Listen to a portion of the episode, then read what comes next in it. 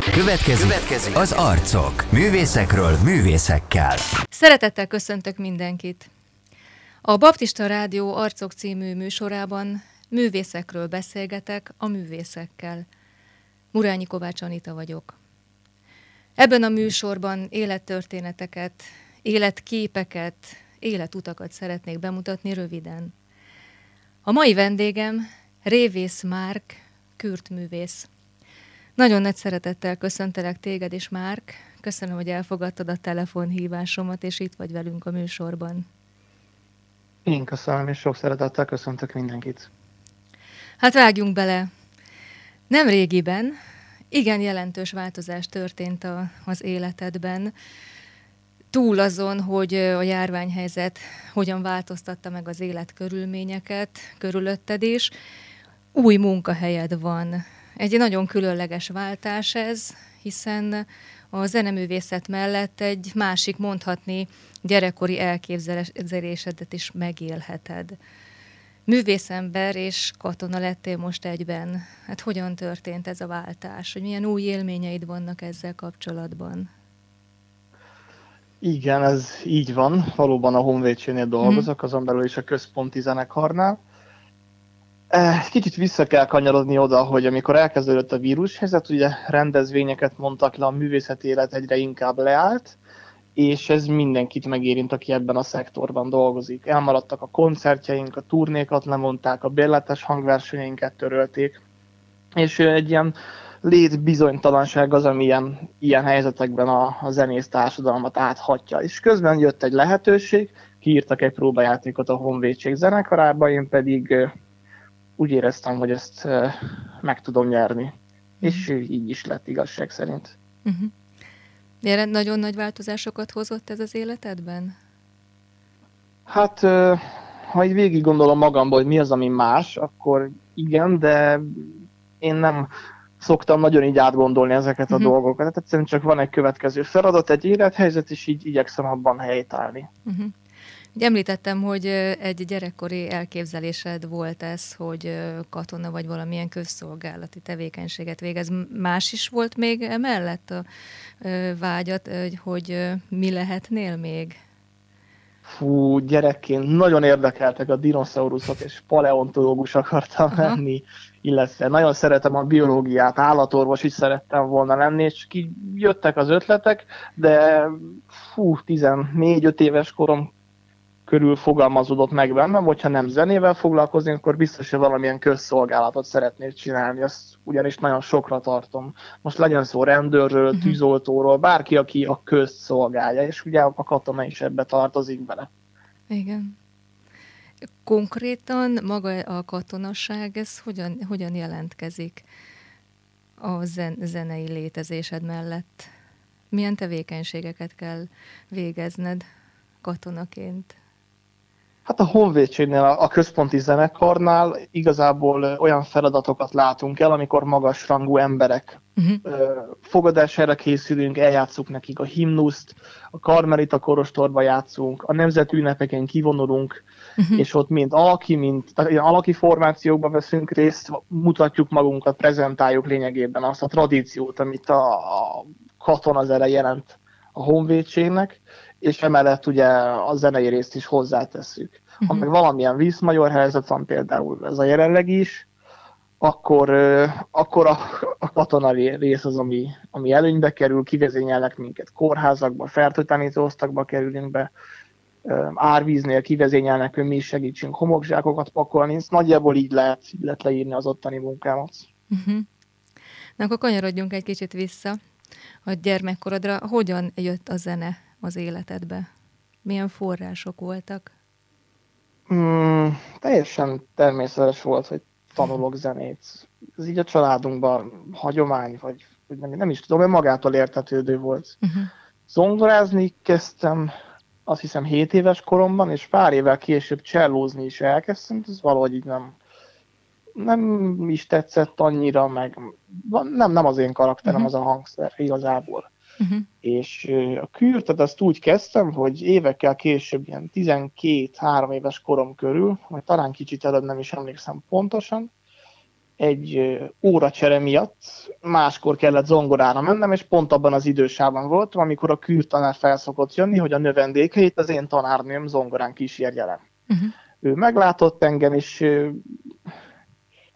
ahogy szokták mondani, mint a lovaknál odajött, és megnézte a számat, meg a fogaimat, és azt mondta, jó, akkor én most menjek vele. Uh-huh. És levitt magával, adott egy kürtet a kezembe, elmagyarázta, mit kéne csinálni, és mondta, hogy fújjam meg. Uh-huh. Én nekem meg így sikerült, és egy ö, nagyon boldogító érzés járt át igazából. Nagyon, nagyon jól esett, amikor először megfújattam a hangszert, és ezt valahogy észrevette a szemembe, és mondta, akkor akkor elkérni az órarendemet, és akkor megbeszéljük, hogy minden nap mikor tudnánk egy pár percet ezzel foglalkozni. És hogy itt teltek a hetek, egyszer csak adott nekem egy hangszert, meg egy sárga csekket, hogy vigyem haza anyukának, mert beiratott magához kürte. Igen, kész tények. Igen. Hát, hogy ez mennyire jól megy neked, azt tudom tanúsítani, hiszen jelen voltam a mesterdiploma koncertednek, ahol tényleg egy hihetetlen nyugalom áradt belőled. Te mit sosem voltál izgulós? Hmm, középiskola elején még nagyon. Uh-huh. Még, még remegett a lábam, meg, meg a kezem, meg igazából mindenem. Csak hogy nagyon jó tanárom volt, és mikor meglátta, hogy lámpalázas vagyok, akkor azt mondta, hogy akkor minden héten legalább egyszer kiállít engem színpadra. Uh-huh. És ez fél év után már annyira természetesé vált, hogy igazából nem is tért vissza azóta sem. De ez, ez alkati kérdés is csak. Úgy tudom elmondani, hogy mindenkiben rejtőznek potenciálok, de hogyha nem kap rá lehetőséget, hogy ez kipontakoztassa, vagy impulzusokat, hogy ezek felé legyenek, akkor ugye az, az egy holtvágány. És nekem kiderült ezek, ezeken a tréningeken, hogy így mondjam, hogy alapvetőleg jó az idegzetem, és, uh-huh. és nyugodt tudok maradni stressz helyzetben, és megfelelő trenírozás mellett ez nagyon hamar ki tudott alakulni bennem. Uh-huh. A zenei tanulmányaidat végig gondolva, kik voltak a legjelentősebb tanáraid? Hát Zemplini Szabolcsot nevezném meg elsőként. Uh-huh. Ő, ő az, aki új dimenziókat nyitott nekem a, a hangszer megszólaltatását illetően. Uh-huh.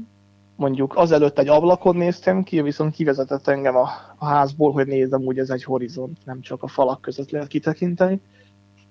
Illetve Berecki Dávid és Szőke Zoltán a fesztivál zenekarból, és szintén Nagy Miklós, aki jelenleg a luxemburgiaknál játszik első kürtön. Uh-huh. Az a négy ember, aki, aki azt hiszem a legmeghatározóbb. Illetve még Zéman Lászlót is megemlíteném, aki nagyon jó barátom, és ő is rengeteget adott nekem, mind zeneileg, mind emberileg. Uh-huh. Hogy értsenek bennünket a, a hallgatóink, megemlítem, hogy a Zemplén Szabolcs róla, amikor beszéltél, és azt mondod, hogy új távlatokat nyitott előtted, akkor kapcsolatos ez a történet egyfajta izombénulással, ami miatt neked néhány hónapra lehetetlenné vált a gyakorlás, a kürtölés. Hogyan emlékszel ezekre az időkre? Ez éppen a, az alapvizsgád előtt történt, ugye, a Zeneakadémián? Igen, a bachelor diplomám előtt volt egy pár hónappal. Igen. Hát az idő mindent megszépít, utólag visszagondolni rá nagyon könnyű. Uh-huh. De arra emlékszem, hogy maga, maga azt átélni, az, az nagyon-nagyon rossz volt. Ez tényleg ilyen pokoljárásnak tudom csak elmondani, hogy az ember ilyen 12-3 évet rászán az életéből uh-huh. valamire, erre építi fel a tanulmányait, és aztán egyszer csak szembesül vele, hogy, ez, hogy ezzel már semmit nem tud kezdeni, mert hogy, mert hogy nem működik uh-huh. akkor így szembesül egy kétségbeeséssel, egy hatalmas fallal, hogy minden sötét, és igazából nem tud mit kezdeni az életével, mert amire felépítette, az, az így eltűnik. Uh-huh. Nehéz leírni ezt az érzést, mert, mert tényleg egy kilátástalanság és egy kétségbeesés az, ami ilyenkor az emberen így nagyon úrá tud lenni. És hú, nem is tudom, három hónapig biztos, hogy egyáltalán nem is volt szabad játszanom a hangszerem, mert be volt gyulladva a szám, nagy része érzéketlenné, és fel nem is tudtam úgy mozgatni bizonyos izmokat, ahogy kellett volna, uh-huh. és utána itt csak rendkívül fokozatosan lett volna szabad, csak hogy volt egy diploma, volt egy felvételi, ezekre muszáj volt valamit kezdjek magammal, csak hogy ezzel még egy lapáttal rápakoltam, úgyhogy, úgyhogy teljesen lenulláztam magamat, és itt jött Szabolcs a képbe, akit egyszerűen csak megkerestem, ő jelenleg Hamburgba tanít, uh-huh. a hamburgi uh, zeneművészeti egyetemnek a professzora, és nagyon készségesen, szeretetteljesen válaszolt a kérdéseimre. Éveken át folyamatosan tanított engem, magánórára jártam hozzá, készített engem lankadatlan uh-huh. szorgalommal, vagy nem is tudom mivel. Uh-huh. És aztán mi lett a végeredmény? Hát az, amit hallottál a diploma hangversenyen, illetve ott azért nagyon történik. néhány napon múlott ez az egész, hogy végül is aztán le tudtál diplomázni. Az első igen, de a második az nem, ott már volt egy ilyen, hát ott már két éve, uh-huh. két év aktív mester, mesterszak volt előtt mögöttem.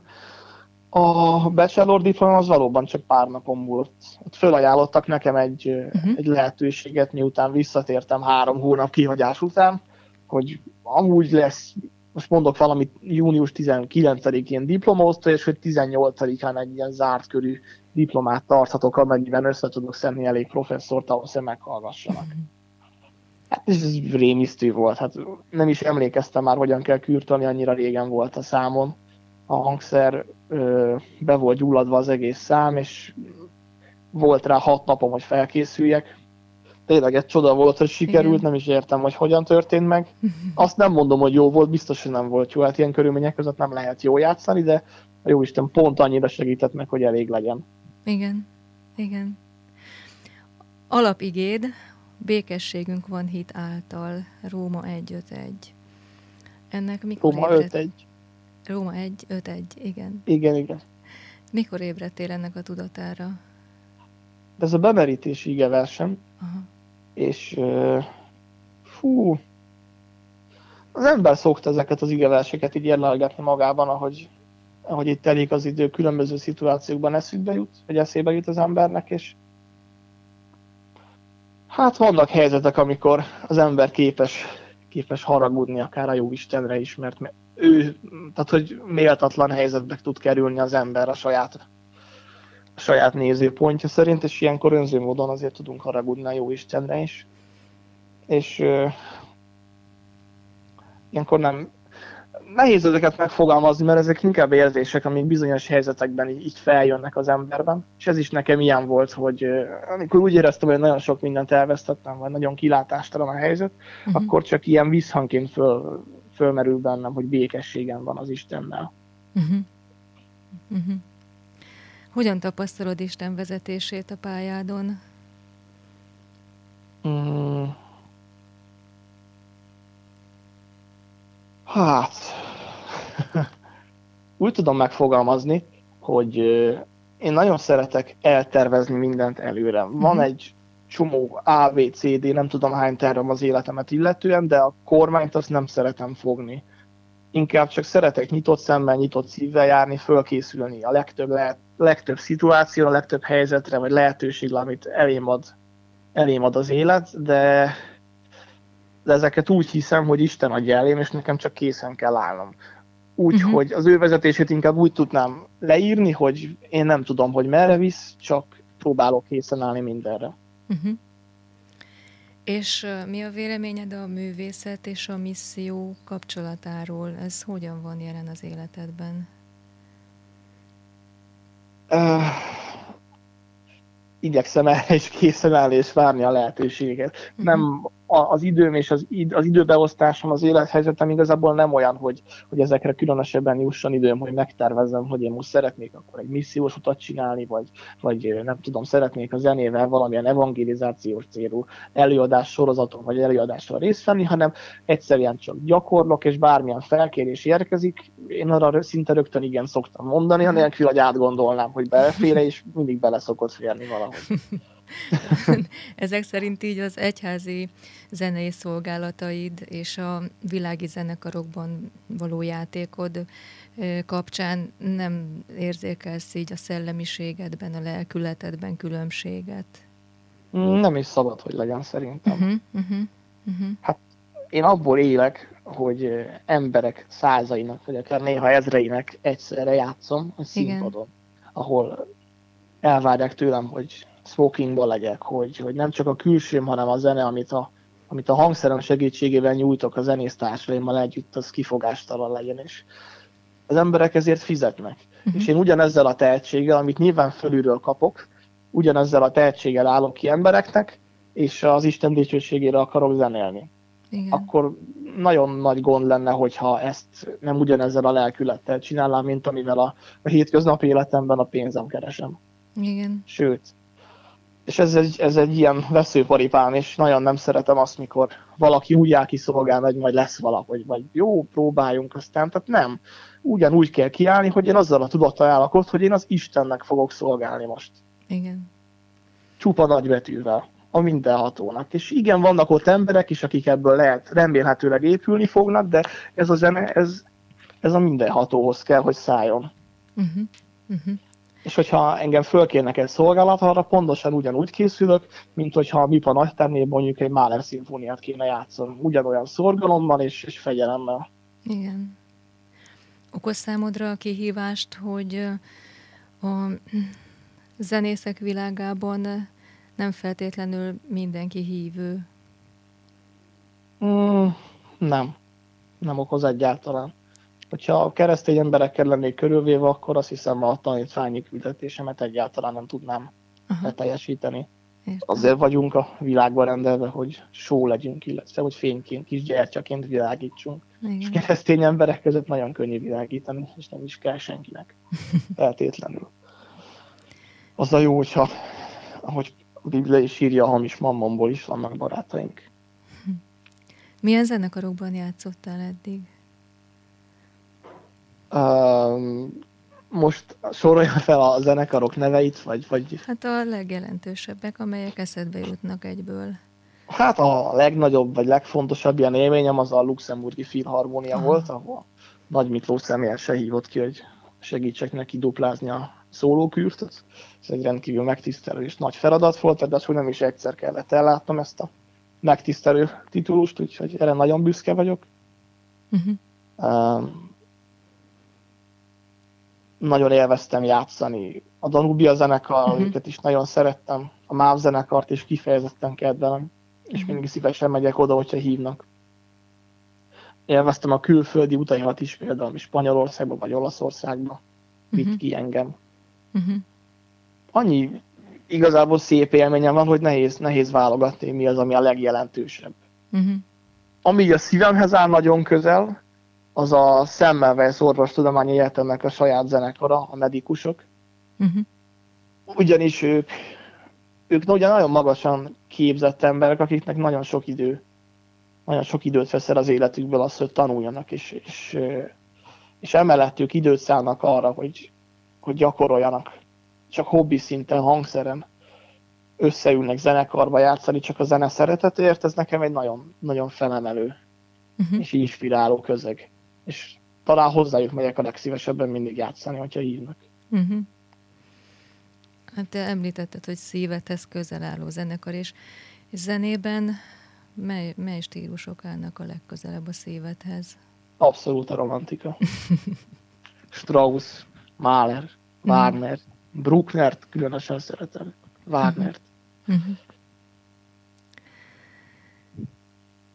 Egy nem régiben, vagy hát lehet, hogy most már talán egy-két éve is van, hogy tanítani is kezdtél. Mikor kezdtél el tanítani? Ez a harmadik évem. Ó, megy az idő. megy az Andori Anna Baptista Énekzenei Általános Iskolában tanítasz. Így van. Hát mit hozott neked a tanítás? Mik, mik azok a dolgok, amiket tanáraitól sajátítottál el, és mindenképpen szeretnéd továbbadni a, a diákjaidnak? Hmm. Azt hiszem, egy új élet, célt uh-huh. adott nekem a tanítás. Uh-huh. Nem is mhm. gondoltam, hogy ennyire, ennyire sok, sokat kapok tőle.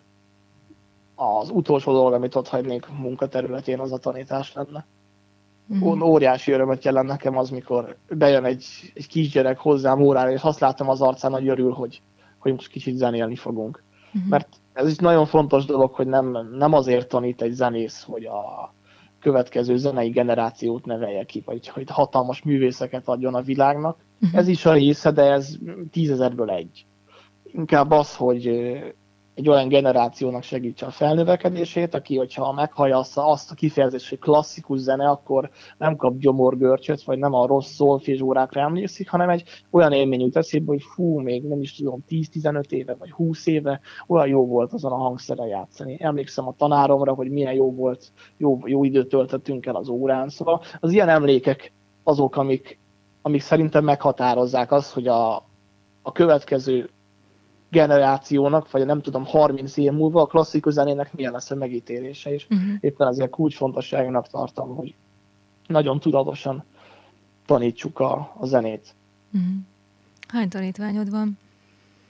Jelenleg csak ötöt vállaltam. Uh-huh. Illetve egy magánövendékem is van. Uh-huh. Uh-huh. Szóval akkor ez így hosszú távon is feltételezhetően része lesz az életednek. Nagyon szeretném. Hogyha ennyire megkedvelted.